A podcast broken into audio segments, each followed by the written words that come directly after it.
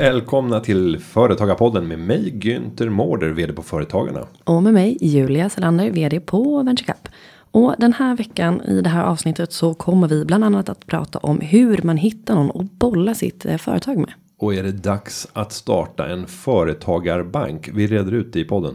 Mm. Och sen så kommer vi också snacka möjligheterna med riskkapital. Företagarpodden finns till för att du som företagare ska kunna lyfta ditt företag eller framtida företag till en ny nivå. Vi säger välkommen, nu kör vi. Hallå, hur mås det inte? Jo, men det är bra, det är bra. Mm. Du har ju lite kortare hår den här veckan. Jag har klippt mig, eller jag har klippt mig, det är min fru som har eh, klippt mig och det ser ganska bra ut. Det är inte jag som ska recensera. Ser det bra ut? Det ser eh, 10 poäng ut skulle jag vilja säga. Ja, eh, och vi konstaterar väl att den tidigare frisyren. Eh, ja, hur ska man beskriva den? Den var, den var lång, alltså utåtstickande bakåt. Som en, om man tänker sig um, bilförsäljare skor. Alltså långa spetsiga, fast du hade en sån fena bak liksom. Ja, sen har jag ju även mina långa spetsiga skor. Mm. Ja, men det blev en ganska bra jämvikt. Så jag tänker att du kanske är lite mer yr nu. När du inte har balansen där bak. Ja, ja men det här var, det här var bra. Jag, jag saknar det lite grann. För att, Men, men, eh, nej, men det är en viss känsla. Du vet hur det är med ditt långa hår. Du har ju långt och fint hår. mm, tack. Och eh, det är en känsla när man bara stryker genom håret och, och det är långt. Jag skulle vilja säga någonting olämpligt här. Men ja, jag gör det i alla fall. Nej, det bästa som finns är ju. eh, Uttrycket heter pojknackar. Men det är ju mansnackar då. Ja. Berätta Ja. om dina Nej, men det pojknackar. ingår ju hela, gud vad det här blir, ja, nej. Eh, det är ju en viss typ då, valpar. Män som ser ut som pojkar. Mm. Okej. Då är det inga, då är inga utåtstickande långa kalufser där bak. Kan säga, utan då är det liksom lite mer så här. Ja, Lite snagga. vi, vi tar det en annan gång. Men eh, väldigt trevlig frisyr. Vad- tackar. du har haft lite eh, publikstorm på din Instagram i helgen. Ja, jag har ju varit ute i helgen och ägnat mig åt eh, viltvård. Ehm, och eh, Det vill säga du har dödat djur. jag har anförskaffat eh, närodlat och ekologiskt eh, viltkött. Mm. Det har jag gjort. Gratis var det också. Ja, det beror på hur man ser det. Men, ja. Ja, men det tar ju rätt mycket tid. Och det är eh, med, stor, med stor omsorg eh, och, och respekt. Och det är med en stor insats som man erhåller. det är ganska köttet. dyr utrustning också. Men jag skulle vilja säga att det här med respekten Günther. Jo, men det, Mm. jo, men det är det. Sen, sen, sen, sen tror jag att för många som liksom är uppvuxna i storstan så är det här väldigt främmande. Det känns mycket bättre att se ett kött i en frigolitpaket vakuumpaketerat i ICA. Även om det är liksom en antibiotikagris som har levt ett fruktansvärt liv. Så, så känns det ändå lite bättre än att se när man eh, eh, skjuter ett vilt. Men jag som är ja, gammal vegetarian och nu har gått över till att flexa lite grann. Jag hade ett tag när jag bara åt viltkött för att mitt ex jagade väldigt mycket. Och jag har också varit med och jagat. Och jag skulle vilja säga att kan man inte vara med på en jakt eller fälla ett eget djur, då ska man inte äta kött. Nej, Även om jag förstår tanken, det är inte för alla. Men just det här med respekten, det finns ju ganska mycket olika hederskodexar som jag har lärt mig då. Man får till exempel inte lägga upp alltså, hånfulla bilder på, på djur. Man får liksom inte lägga upp en video när man tar ur dem och så här, utan du kan möjligtvis ta en bild där du liksom sitter framför djuret respektfullt när du har fällt det. That's it. Nej, och, det, och det kände jag att eh, jag lyckades med. Eh, och eh, vi skulle låta Julia få se bilden på Instagram. Men det här eh, väckte lite, lite liv hos eh, rätt många. Men var det ditt första? Eh, men det, det, ja, det var ju mis- Åh herregud. Du, alltså nu är jag faktiskt bara sjukt imponerad. Det där är inte det lättaste alltså. Nej, det här är, det är en kronhjort. Eh, Men du måste ju göra taggar. någonting med hoven. Fy satan, förlåt språket. Ja. Jag blev faktiskt sjukt imponerad. Eh, och det var mitt första skott utanför eh, Nej. skjut, skjutbana. Är Jo. det sant? Och sen så hade vi suttit i först en och en halv timme, då blev det inget. Och sen satt vi en och en halv timme till. Och sen så fick vi avbryta jakten. Mm. För att eh, vi hade kommit upp i, i kvoten och var färdiga. Och vi skulle ju sitta hela eftermiddagen också. Men det här är ju Så så var himla rötjakt. Det händer ju liksom inte. Nej, de flesta tog- människor är ju med på typ tio jakter fäller ingenting. Och du Ja, bara det var, ju den det var ju flera i, i eh, jaktlaget där som inte hade fällt en kronhjort med åtta taggar. Så jag brukar alltid ha lite retfull inställning till dig och sådär. Men nu hatten av faktiskt. Ja, det var respekt då. Mm. Själv, Men ja. som sagt, eh, ja, kuriosa. Min morfar var ju slaktare och jag har ju varit med på en del jakter och är en sate på att skjuta med änder. Och jag ska också säga att det finns ingen som, Är, är du det? Mm. Jaha. absolut, Du är en riktig hagelsprutare. ja, hageltjej. Ja. Ja men, det där, ja, men det där, då, då ska vi väl, välkomna dig Gärna. till lite andjakt. Och framförallt liksom, eh, alltså, vad ska man säga, skära loss köttet, vad det nu heter på något sätt, med en vass kniv. Så här, det, jag är ja, obehagligt bra på det. hon, by- hon byter tänderna mot varandra samtidigt som hon säger det här. Jag är obehagligt bra på det. Ja. Men eh, nej, jag har inte varit ute och jagat i helgen. Nej, eh, men däremot så har det ju varit galatätt. Du har ju Mm. varit och, och frotterat dig på Swedish Startup Award. Och vi- Nordic Star Wars. Nordic till och med. Ja. Och dessförinnan var vi tillsammans på Årets Företagare. Och Småföretagardagen där vi sände live. Mm. Eh, Ja, men det här är lite grann av, av en sån period under året. Festligt. Eh, och det är alltid tycker jag en glädje. Det är lite med så här tårar i ögonen när jag ser alla dessa företagarhjältar som väldigt sällan får något tack från omgivningen och samhället. När de får gå upp och vara hjältar, stjärnorna. Och få riva ner applåder och få ta emot någon glasstatyett. Och, ja, men det, men jag håller helt det är med. fint. Det, behövs mer sånt. Verkligen, det är vackert och det är fint och det är lätt att bara titta på, på ytan att man har på sig fina kläder och minglar och dricker bubbel. Men det är ju inte det det handlar om utan det är verkligen eh, respekten och eh, vördnaden för alla ni som sliter ihjäl er för att föra samhället framåt. Alla företagare. Ja, och skapar Ja. jobben som politikerna talar om. Ökar omsättning, skapar vinst. Vinst är fantastiskt. Och de flesta är också väldigt roliga att umgås med märker jag. Jo, men det är ju risktagare. Alltså en, en person som startar ett företag är per definition en risktagare med ett självförtroende som innebär att man i vart fall tror att man är bättre än snittet. Annars hade man inte startat sitt företag. Så man har ju liksom en tro på sig själv. Man måste vara rätt framåt i de flesta lägen. Och, och eh, våga ta risken. Att gå bort från det som eh, är väldigt tryggt annars. Jag känner att jag pratar i munnen på dig nu hela tiden. Men jag är så himla taggad. Ehm, det är också så att många av dem är ju lite eljest. Som man säger. På ett underbart sätt. Så kan det vara. Ja. Ja. Det, nej, men det är kul med, med eh, galasäsong. Men vi har fått in frågor till Företagarpodden. Och hur gör man om man ska ställa frågor? Jo, då kan man antingen använda formuläret på företagarpodden.se om man vill ställa en lång fråga. Eh, och skriva beröm till oss. Eller eh, mm, ris. Det får man se. Eller så kan man använda hashtaggen företagarpodden. Och det kan man göra på Twitter eller Instagram. Och så ställer man sin fråga och så tar vi med den helt enkelt. Och då tänkte jag att jag läser den första frågan som har kommit in från Linda Lind. Eh, Eh, vem ska jag bolla med? Hej, tack för en grym podd. Jag driver företag som tillverkar och säljer produkter för livsmedelshandeln. Är relativt ny på att driva företag och det kommer löpande upp frågor som jag vill som jag skulle behöva bolla med någon. Till exempel hur man ska hantera återförsäljare och vilken information de vill ha. Produktutveckling, affärsutveckling och så vidare. Är det något man skulle kunna få hjälp med om man gick med i Företagarna? Finns det någonstans att vända sig inom organisationen? Eller hur funkar det? Ja, om vi lyfter det till ett mer- generellt plan. Hur skulle du säga att Linda ska agera för att kunna få den här personen att bolla med? Att borde med, eh, två får man absolut inte säga på danska. Nej, det får man inte göra. Mm, det är tur att vi inte gjorde. Eh, tack för en bra fråga Linda. Det här är ju en grundläggande funktion som eh, man verkligen behöver kunna få hjälp med. Och då skulle jag vilja säga börja med att identifiera hur ser det ut på ditt eh, område? Var befinner du dig någonstans? Finns det, sitter du på ett kontorshotell? Eh, är det någon stad där det finns vissa organisationer som hjälper till med det här? Alltså börja identifiera vad är du ute efter? Säg att du kommer fram till att du behöver en mentor. Eh, kanske någon som har gjort eh, samma resa som du inom samma eh, bransch. Då får du börja titta på, okej, vad finns det för sådana typer av företag på min ort? De flesta människor som man approachar och säger, hej, jag tycker att du är fantastisk, eh, du är min största inspiration, har du tid att ta en lunch, brukar gå med på det. Eh, så det kan vara en bra start. Är det inte en mentor man vill ha, så kanske man ska börja ja, men, titta sig om i sitt närområde och ibland har man också inom liksom, familj eller vänskapskrets någon som är företagare förhoppningsvis som man kan ställa lite frågor till. Um, så börja där skulle jag säga.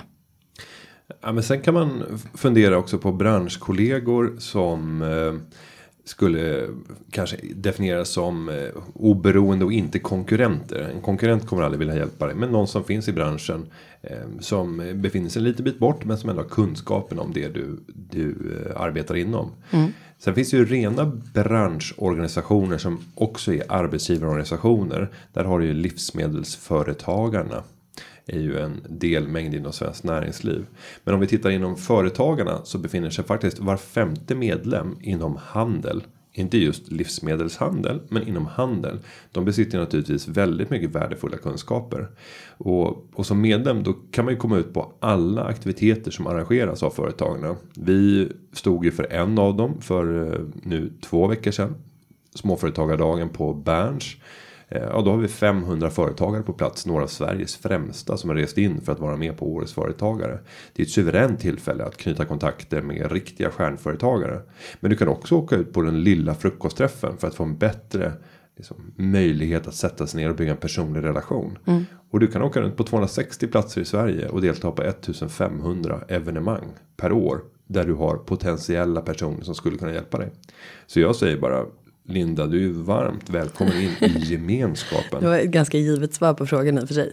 Ja, det kändes som det. Men jag tänker också att jag har ju, om jag pratar från egen erfarenhet, ehm, när jag tänker på någon att bolla med, så tänker jag framför allt på ehm, ja, men goda vänner som är i samma situation som jag, som är ganska unga, ehm, också ledare på något sätt, eh, som tampas med det. Och då, och då räcker det ofta att man slå en pling eller träffas på fritiden eller käka lunch eller whatever och bara så här få ur sig någonting som är ett problem och så får man själv höra sig själv prata om problemet brukar hjälpa och så kommer den andra med någon erfarenhet eller någonting. Det är, ja, så att någon som är i sam, samma situation eller någon som är i samma bransch. Jag skulle vilja säga att det här med konkurrens också kan vara lite spännande.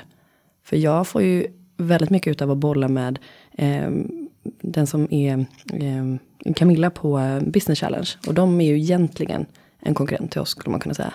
Men vi har hittat en väldigt fin eh, liksom, relation där vi kan, ja, vi kan bolla saker med varandra ändå. Det blir nästan ännu bättre för jag vet att hon är brutalt ärlig. Om man kan hitta en sån relation. Det kommer vara lite svårare för det kräver ett förtroende som är skyhögt. Ja, det här har ju byggts upp under kanske fyra, fem år. Innan dess så var vi bittra konkurrenter. Men det blir kul när man slår sina påsar ihop.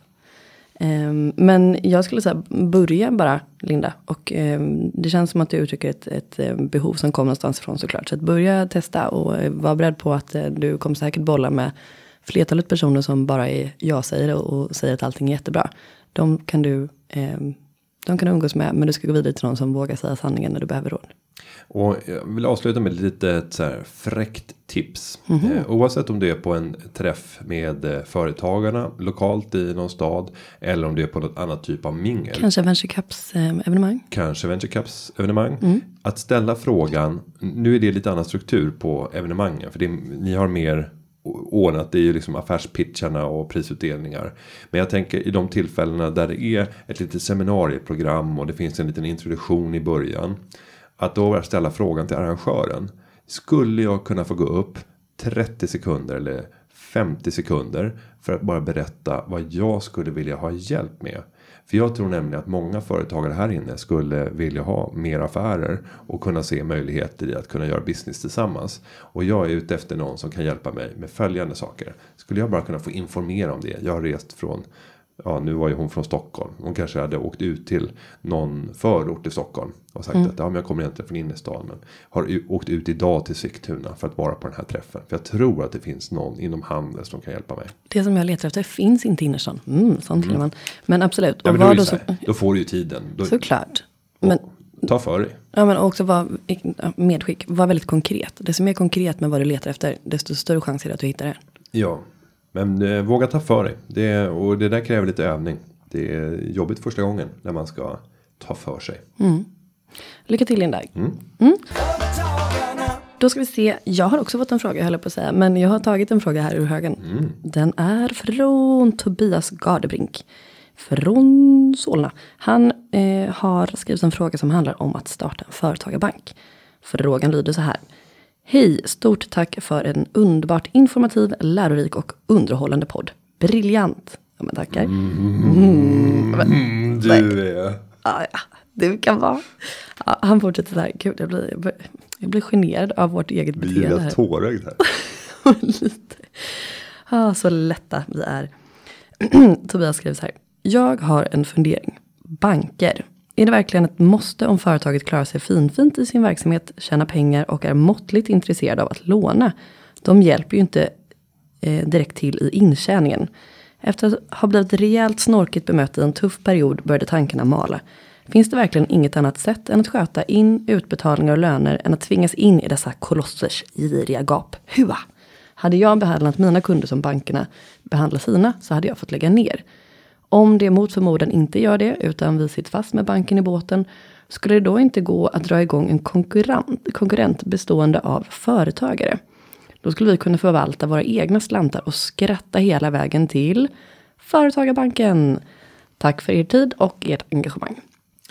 Ja, och det här är en lockande tanke. Många är besvikna på sin bank. Det ser man i de här svensk kvalitetsindex som mäter kundnöjdhet. Då ligger banker väldigt lågt. Eh, sen så ska man ju säga att banker blir ganska orättvist behandlade. Skulle jag hävda i flera lägen. Eh, genom media. Där man ofta svartmålar mer än man eh, lyfter upp alla positiva aspekter. De flesta banker, om du skulle gå in på en liten eh, sparbank ute i landet så är de ofta väldigt hjälpsamma, vill dig väl och vill bygga en personlig relation. Så att jag tror att det det är svårare i storstan. Ehm, så kommer man från Solna och kanske gör affärer i Stockholm så är det svårare att få den där personliga relationen som du kanske kan få ute på på landet eller i mindre mindre städer. Mm. Sen ska man ju inte heller bygga hela Eh, uppfattningen om eh, så beroende på ett kundmöte. Men jag, jag kan ju också känna igen mig i det där. Hade jag behandlat mina kunder som bankerna behandlar sina så hade jag fått lägga ner. Och det är den orättvisan och frustrationen kan man ju känna som företagare kan jag tänka mig. Ja, absolut. Eh, men då, då kommer vi till frågan. Borde man inte bara kunna starta upp? Eller finns det något alternativ till att börja med? Och något riktigt alternativ vill jag hävda existerar inte. Nu får jag förhoppningsvis pisk på fingrarna. Någon som kommer och rättar mig. Och gör det gärna då på Twitter. Hashtag företagarpodden. Eller på Instagram. Hashtag företagarpodden. Då kan du ta en bild på den banken som kan göra det. Men utöver storbankerna eller de, de större bankerna överhuvudtaget. Så, så tror jag inte att det finns någon aktör som idag kan hantera hela flödet som en företagare behöver. Man har isolerade delar. Jag jobbade tidigare i bank på Nordnet. Där kunde man hantera sparande och investeringar väldigt bra. Men var inte lika bra på överföringstjänster. Hade inte checkräkningskredit och liknande. Utan då var du tvungen att belåna värdepapper. Så att jättebra på ett område. Men saknar väldigt mycket på ett annat område. Sen har vi ett annat problem. Och det är ju att eh, vi förväntar oss ofta att saker ska vara gratis. Om vi går på en bankomat så tror jag att de flesta skulle bli förbannade om det kostade 20 spänn att ta ut pengar. Nu är, nu är väldigt få av våra lyssnare tror jag på en bankomat och trycker in pengar. Eller trycker ut. Men det händer kanske. Det är också 20 kronor är ju väldigt hög summa. Men absolut. Jo, fast det är inte orimligt. Alltså 20 spänn för att kunna hantera. Alltså det är stora mängder som ska hanteras. Det är en maskinell utrustning. Den ska ska, hela tiden pengar. Mm. vittjas. Du måste ha en jour som står beredd att åka ut om det skulle ta slut. Alltså en ganska stor apparat. Du har även rånrisk. Nej, 20 Mm. spänn är ganska lite för en sån tjänst. Men vi hade blivit så sura. Det skulle bli folkstorm. Om man tog betalt för det. Även att använda kontanter är ju förenat med en kostnad. Men skulle man som butiksinnehavare börja ta betalt att om du använder kontanter då kostar det 5 kronor extra. Nej men vadå, det, det, alltså, det är ju otroligt många som inte ens har kontanter. Så man, det, det skulle man nog inte bli förbannad på. För att det valet finns ju inte ens. Utan så här, Nej. vi har ju inga kontanter. Eh, nej, och Men absolut. Nej, och där undrar jag inte. Egentligen borde vi sätta våra jurister på det här. Men det är. Eh, det är inte oproblematiskt att säga nej till kontanter. För enligt lag så är just sedlar och mynt betalningsmedel i Sverige. Eh, Och att inte acceptera det som betalningsmedel kan ställa till problem. Nej. Vi kanske får återkomma till den frågan. Men det, Ja men det tycker jag. För jag vet ju bara två stycken butiker där jag brukar handla lunch här på Sveavägen på vägen hit. Som har slutat med det. Som Ja. har skyltar på det. men, men vi, Ska jag gå dit och skälla ut dem? Vi eller? återkommer nästa vecka med svar på frågan. Ja. Eh, Men i det här fallet så tror jag inte att det finns någon sån här fullsortiment aktör. Finns det då ett utrymme att skapa en sån? Mm, mm, ja, om du kan börja ta betalt för de här enkla tjänsterna. Att ha ett transaktionskonto, att ta emot fakturor, att betala fakturor. Ehm, om det finns en betalningsvilja där, då finns det en marknad. Men problemet är att de befintliga bankerna har skjutit sönder den marknaden genom att erbjuda många av de tjänsterna utan kostnad. Och så tar man igen det på andra delar av affären. Men om jag ska säga i framtiden så tror jag att vi kommer inte få se en ny digital fullsortimentbank. Det är jag helt övertygad om att det kommer vi inte få se. Däremot så kommer vi få se en plattform som länkar samman mängder av olika nischaktörer. För att på så sätt tillsammans bilda en storbank i sitt erbjudande. Men där man kan byta ut varje komponent. Det vill säga att jag har bolånet hos den här banken. Jag har mina investeringar hos den här. Mina privata. Jag har min pension på den här banken. Jag kör betalningar här. Jag har min checkräkning här. Och sen så har du en palett som en, jag tänker mig som en solfjäder. Och nu visar jag lite lätt här. Jag, vad gör jag? Du sitter och fläktar ditt Fläktar med solfjäder. goda anlete med. Och sen ser man alla de här små, små bankerna som är anslutna till plattformen. Men du, det är ju inte så tokigt. Men då tänker jag också att det pressar ju erbjudanden väldigt bra. Så att det gynnar ju dig som, som använder de här tjänsterna. Troligtvis. Men det måste ju vara enkelt och användarvänligt. Och det kan ju inte vara så att du har olika inlogg till alla de här olika. Utan det ska ju vara samma. Nej, det måste vara en, en plattform som accepterar allt.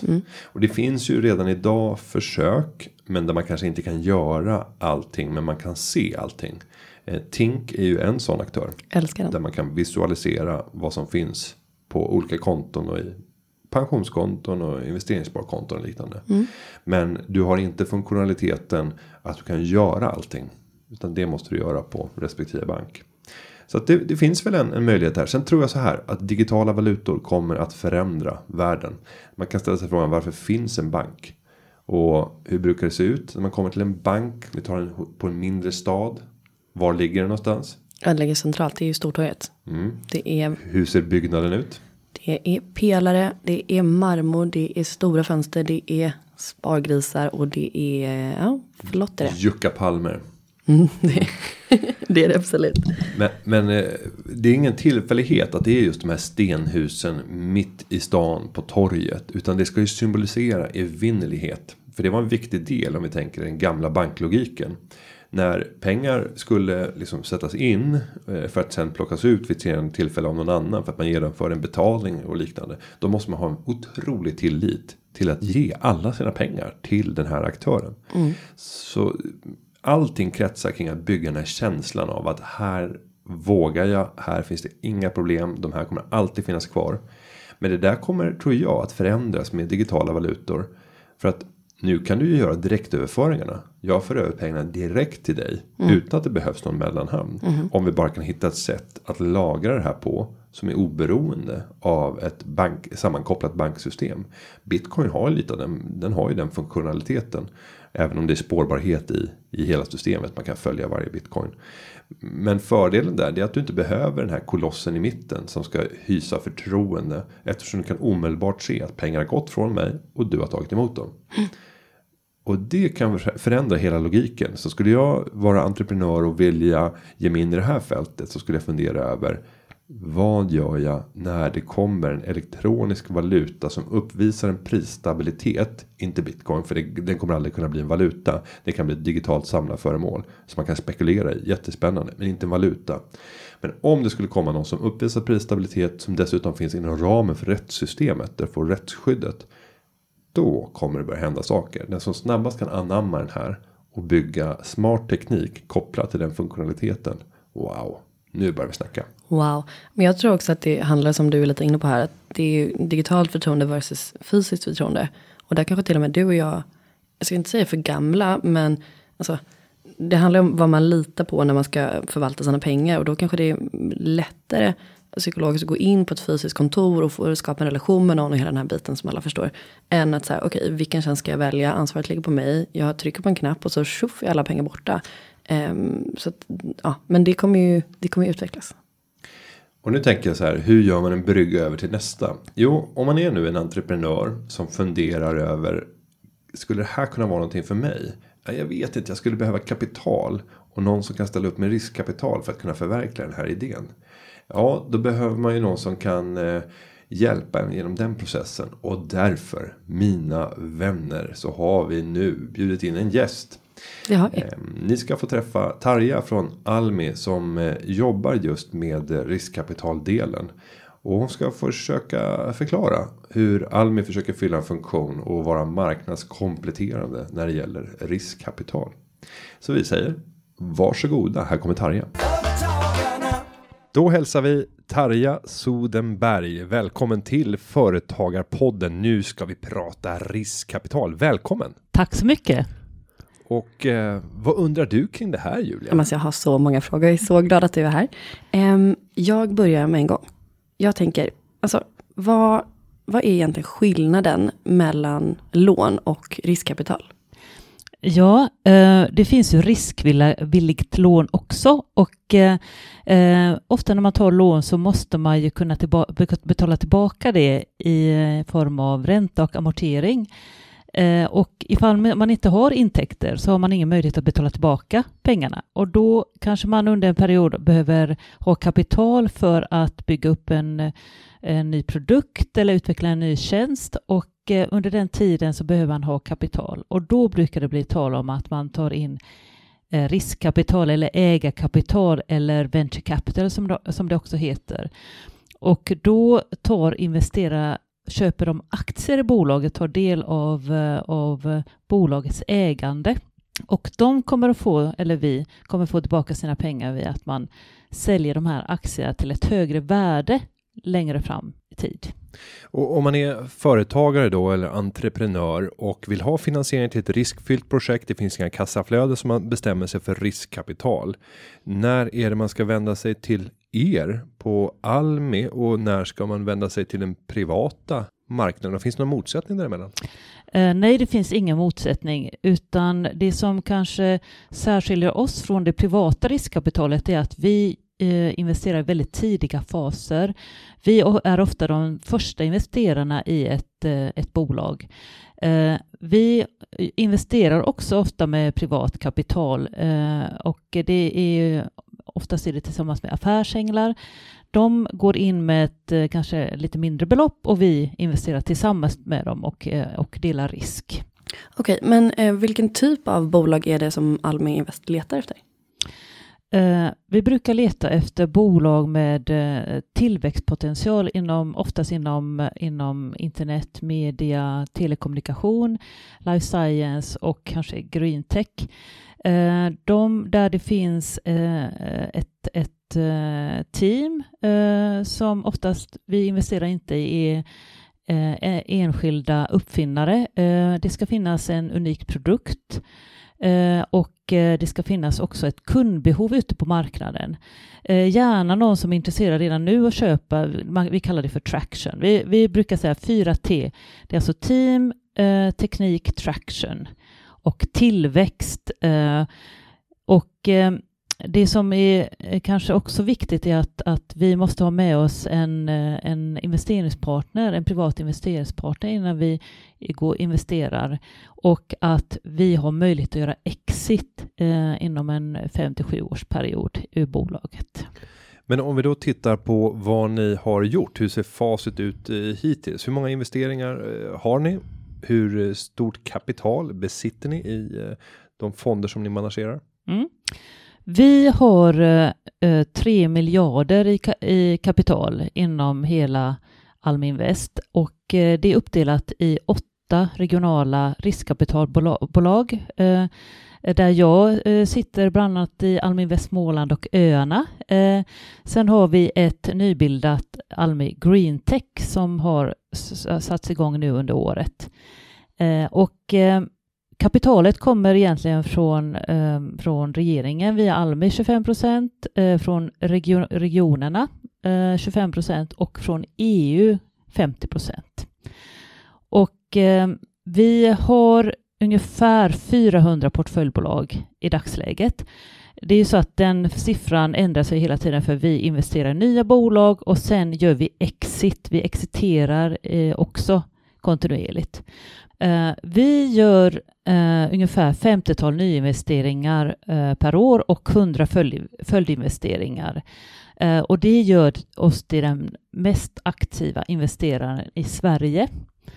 Eh, vi har ungefär eh, 40 investment managers som sitter runt om i landet samtidigt som vi, vi har ju väldigt stor investeringserfarenhet så att förutom att vi sitter nära bolagen regionalt, så har vi också en, en eh, nationell kompetensbas där vi kan dela erfarenheter från olika branscher och olika investeringspartners och så vidare. Vi har 850 medinvesterare i vårt nätverk, alltså privata investerare. Hmm. Så jag kan tänka mig att man, man får liksom mer på köpet än bara kapital, att man kanske också får en del kunskap, eller hur ser det ut när man gör investeringar från ert håll? Eh, ja, eh, när man gör eh, investeringar i tidiga faser och, och även om vi alltid är minoritetsägare så bistår vi alltid med, med kompetens vad gäller vi sitter i styrelser, vi kan dela med oss av vårt nätverk vad gäller andra investeringspartners, vi kan bistå med kontakter vad gäller internationalisering, vi kan också um, hjälpa till med att i exitprocesserna sen. Uh, vi har inom Almi Invest en, en exitgrupp som hjälper oss i regionerna med att hitta köpare till våra portföljbolag. Men om vi tar en eh, typisk investering. Nu har du berättat lite grann om vilka branscher som är överrepresenterade, men om vi pratar så att säga, hur stor är en genomsnittlig investering i ett företag och hur stor andel brukar man stå beredd att ta från Almis sida? Ja, det där är ju lite beroende på vilken fas eh, vi investerar i. Vi är ju en, en, en investerare som går in ganska tidigt, alltså ofta är vi den första investeraren. Eh, initialt kan vi gå in med 300 000 som en så kallad eh, royalty-lån som sen konverteras till aktier. Och eh, det gör vi kanske innan, eh, ja, det, innan man ens har en produkt klar. Men i i genomsnitt så brukar vi investera runt 2 till 3 miljoner eh, i första rundan upp till kanske 10 miljoner maximalt i ett bolag och då är det ju lika mycket som kommer från privatkapital. Så att gör vi en investering på 3 miljoner i ett bolag så brukar 3 miljoner komma också från privatkapital. Och vi brukar ha ett ägande på 10 till 20 procent i bolag. Eh, det är ungefär i den, i det, det häradet. rätt. Eh, vi ska aldrig äga mer än 49 procent i ett bolag, oavsett vad som händer. Det kan ju hända att det, man, bolaget behöver mer kapital och inte utvecklas som det ska. Och då kanske värderingarna går ner och då eh, eh, kan det vara så att vi hamnar i ett större ägarandel än vi vill ha egentligen. Jag förstår. Hmm, det verkar ju rimligt. Jag tänker, du har ju varit med ett tag och eh, kan väldigt mycket om detta. Har du någon speciell eh, bransch som du vurmar lite extra för när du tittar på investeringar? Ja, eh, jag brukar eh, gilla eh, att titta på life science case, speciellt medtech case. Inte för att jag eh, jag är ingen expert in, inom området, jag, utan jag är en ekonom, men jag tycker att, att just att det kan göra så stor skillnad för människorna, det är verkligen så här en pain man löser när man hittar en, en lösning inom life science eller medtech. Och det tycker jag är spännande. Uh, för det finns ju många bolag som som uppfyller ett, ett behov, fast det kanske är mer nice to have. Men ett pain är ju alltid roligare att investera i. Alltså att en, en, en investering som löser ett pain är alltid roligare att investera i. Och sen om vi nu tittar på de här investeringarna som har gjorts, där ni har gått in med eh, kanske 2-3 miljoner, ni har fått mer finansiärer att, att göra samma eh, investering. Ehm, sen går det fem år, bolaget utvecklas väl, ni ska göra en exit. Hur ser en normal exit ut? Vilka är det mottagarna på, på andra sidan? Vilka är det som köper era andelar och, och hur hittar man de som ska köpa de här? Mm. Eh, och det här, man kan ju prata om exit, att det är, det är, att det är en, eh, ganska naturligt att göra det, men det är en ganska komplicerad process. Eh, för alla bolag ser olika ut. Man måste hitta en specifik köpare om man, eller hitta en speciell exit i varje bolag. Eh, de senaste åren har eh, ju börsklimatet varit ganska bra för noteringar av, eh, av bolag i tidiga skeden. Så att just nu om vi tittar på 2016 så var eh, det ganska många noteringar, ungefär 15 procent av våra exits gick till på, på First North eller aktietorget. Men majoriteten av de här där vi säljer externt, hela bolaget gick till en industriell köpare. Och eh, jag har ett exempel på ett, eh, ett bolag som har skett, eh, en exit som har skett under året och det var eh, eh Limes Audio eh, uppe i, i norr som såldes till Google. Och nu kan jag inte nämna några siffror, men det var en väldigt bra affär för oss. Och det är den vanligast, vanligaste exiten. Sen kan det finnas finansiella investerare som köper eh, innehavet, men i det allra flesta fall, eh, ungefär 50 procent, så är det så att vi säljer tillbaka till grundaren eller till våra investeringspartners. Eh, kanske beroende på att det inte riktigt blivit en utveckling i bolaget så att vi kan göra en exit externt. Och eh, det kanske blir mer ett, ett eh, jättebra bolag men ja, mer ett levebrödsföretag. Mm. Vi har ju också många lyssnare som är investeringsintresserade och du nämnde att 850 stycken medinvesterare finns runt omkring i ett nätverk. Hur gör man för att bli en av de där 850 och blir den 851 kanske? Ja, det bästa sättet är egentligen att man kontaktar eh, Alminvest i sin region. Eh, så att, eh, ja, till exempel om det är någon i Småland som är intresserad av att investera så får de gärna, får ni gärna kontakta mig. Eh, och det finns Almi Västkontor i, i eh, hela landet så att det är bara egentligen att gå in på vår hemsida eh, alminvest.se och eh, leta efter närmaste eh, kontor och kontakta de personerna där. Sen är det ju en sak att bidra med eh, kapital, men Almis uppgift är ju också att få de här bolagen att kunna utvecklas eh, väl och nå sin fulla potential. Hur viktigt är det här nätverket av de som kan bli seniorrådgivare eller potentiella styrelseledamöter för att biffa upp bolagen för att kunna göra den fortsatta resan?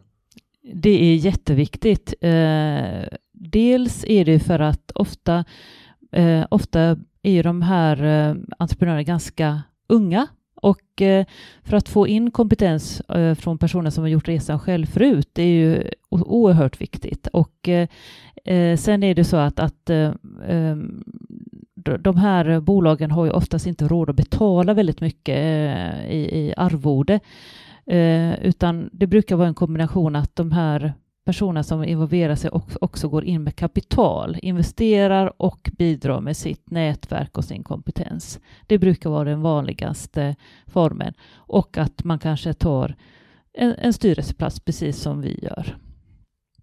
Men om vi nu har en lyssnare som har ett företag i ett tidigt skede som känner att wow, det här visste jag inte om. Nu har jag tänkt att eh, testa om eh, Almi kanske skulle kunna bli en potentiell investerare eller om det till och med finns lånemöjligheter för mig.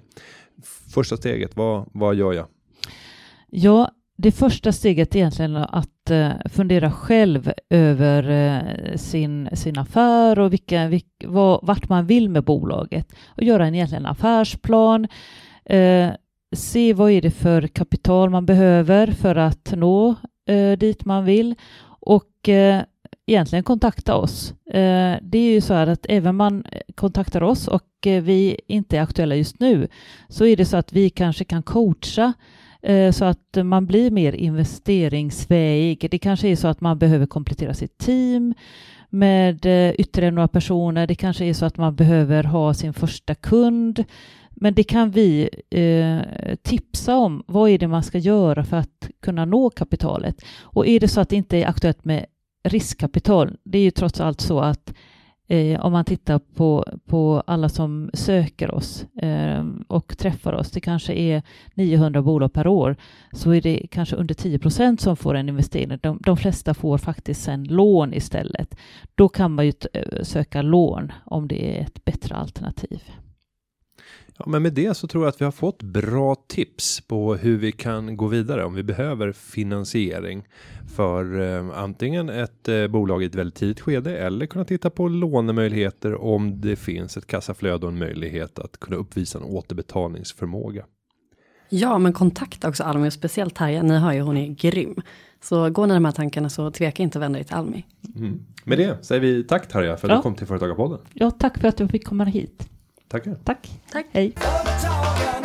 Då är vi tillbaka i studion, jag och Julia. Och vi ska knyta ihop säcken. Men vi vill skicka med en uppmaning till alla lyssnare. Mm, det vill ja, inte bara en, men jag kan börja. Vi har ju pratat lite grann om, eh, Linda här hade ju en fråga exempelvis om hur man ja, kan få feedback och bolla sina idéer. Jag har ju det bästa tipset av alla. Varsågod. Och det är ju att på hösten så har ju Vänskap sin, eller sin, vi har vår idétävling helt enkelt. Så att eh, alla med en idé, affärsidé gärna, det vill säga att man har en affär kopplat till idén. Ladda upp den på vårt eh, digitala community på venturecup.se och få feedback, få chans att vinna och få evig ära och berömmelse. Och det kostar ingenting och ja, det är bara att gå in och köra. Se där. Och vill man... Se där, kan Se- du vara lite mer entusiastisk? Weha! Oh, oj, gud Ja. vad högt det blev. Men ja, Så. Tack. Eh, och vill man eh, träffa mig framöver så kommer jag bland annat att vara den 26 oktober i Växjö. Då är det dags för Misstagens Mästare. Sen kommer jag bege mig upp till Lycksele. För då är det dags för Guldkalaset och prisutdelningen av Årets Företagare den 3 november. Den 9 november kommer jag till Göteborg. Då är det dags för Misstagens Mästare där. Där har du fortfarande tid att anmäla dig. Så gå in på misstagensmästare.se. Dagen efter så kommer jag till Chalmers Börssällskap.